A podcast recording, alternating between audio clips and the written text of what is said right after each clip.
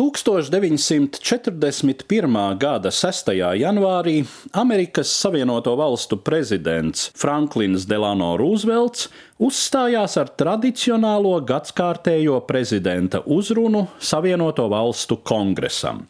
Cita starpā prezidents sacīja: In the future days, which we seek to make secure, we look forward to a world founded upon four essential human freedoms.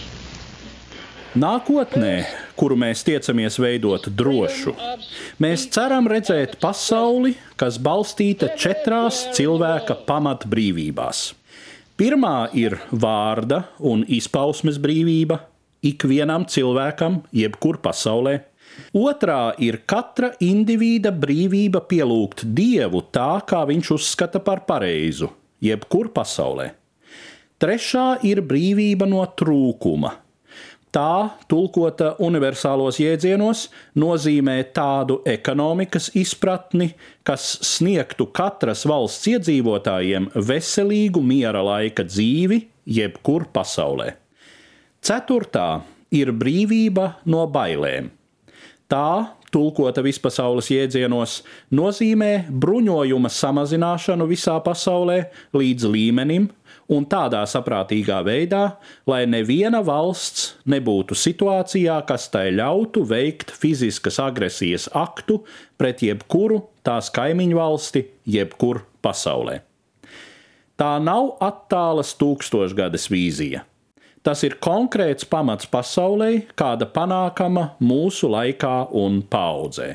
Šāda pasaule ir tieša antitēze tā dēvētajai jaunajai tirānijas kārtībai, kuru diktatori cenšas radīt ar bumbu sprādzieniem. 1941. gada sākumā Amerika vēl nebija tieši iesaistījusies Otrajā pasaules karā.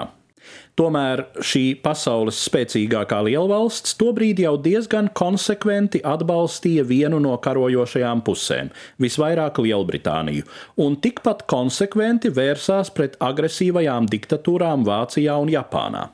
Prezidenta Roosevelta uzrunas mērķis bija saistīt šo savienoto valstu politiku ne tikai ar valsts stratēģiskajām interesēm, bet ar būtiskajiem vērtību orientieriem, kuri ir likti pašos Amerikas pastāvēšanas pamatos. Protams, Savienoto valstu tā brīža politikā netrūka jau pieminēto valsts interešu momentu. Lielbritānija ir tradicionāls Savienoto Valstu sabiedrotais, ar kuru to saista vēsturiska un valodas kopība. Japānas impēriskie tīkojumi klusajā okeānā ļoti tieši apdraud Amerikas intereses. No tā laika starptautisko attiecību viedokļa tas ir pilnīgi pietiekams leģitīms pamats attiecīgai Amerikas politikai. Tomēr prezidents Rūzvelts saskata šai situācijā iespēju un nepieciešamību pamatot valsts starptautisko nostāju arī ideiski. Šī viņa uzstāšanās paliek vēsturē kā četru brīvību runa, viens no Amerikas demokrātijas un liberālās domas stūrakmeņiem. Protams, deklarēt šādus principus ir krietni vieglāk nekā īstenot tos praksē, sevišķi, ja pietrūkst tā, ko mēdz dēvēt par politisko gribu.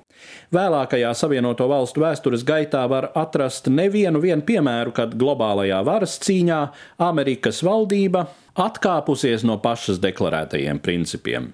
Gan atbalstot nedemokrātiskus, agresīvus, sociāli bezatbildīgus režīmus, Vēl vairāk atsevišķos pēckara perioda posmos, kad pie varas Amerikā nāca konservatīvāki spēki, arī pašās Savienotajās valstīs nevienmēr tika ievērota tā pati vārda brīvība. Nemaz jau nerunājot par pozīciju, kurā viena valsts nevar uzbrukt savam kaimiņam. Amerika lielāko tiesu savas pēckara vēstures ir atradusies pozīcijā, kur tā var uzbrukt gandrīz jebkurai valstī, gandrīz jebkur visā pasaulē. Tomēr tas nemazina prezidenta Roosevelta deklarēto principu nozīmi. Četras brīvības ir būtisks orientieris, pēc kura var vērtēt ikvienas valsts, ikviena režīma atbilstību cilvēka brīvības prasībām, jebkur pasaulē. Stāstīja Eduards Liniņš.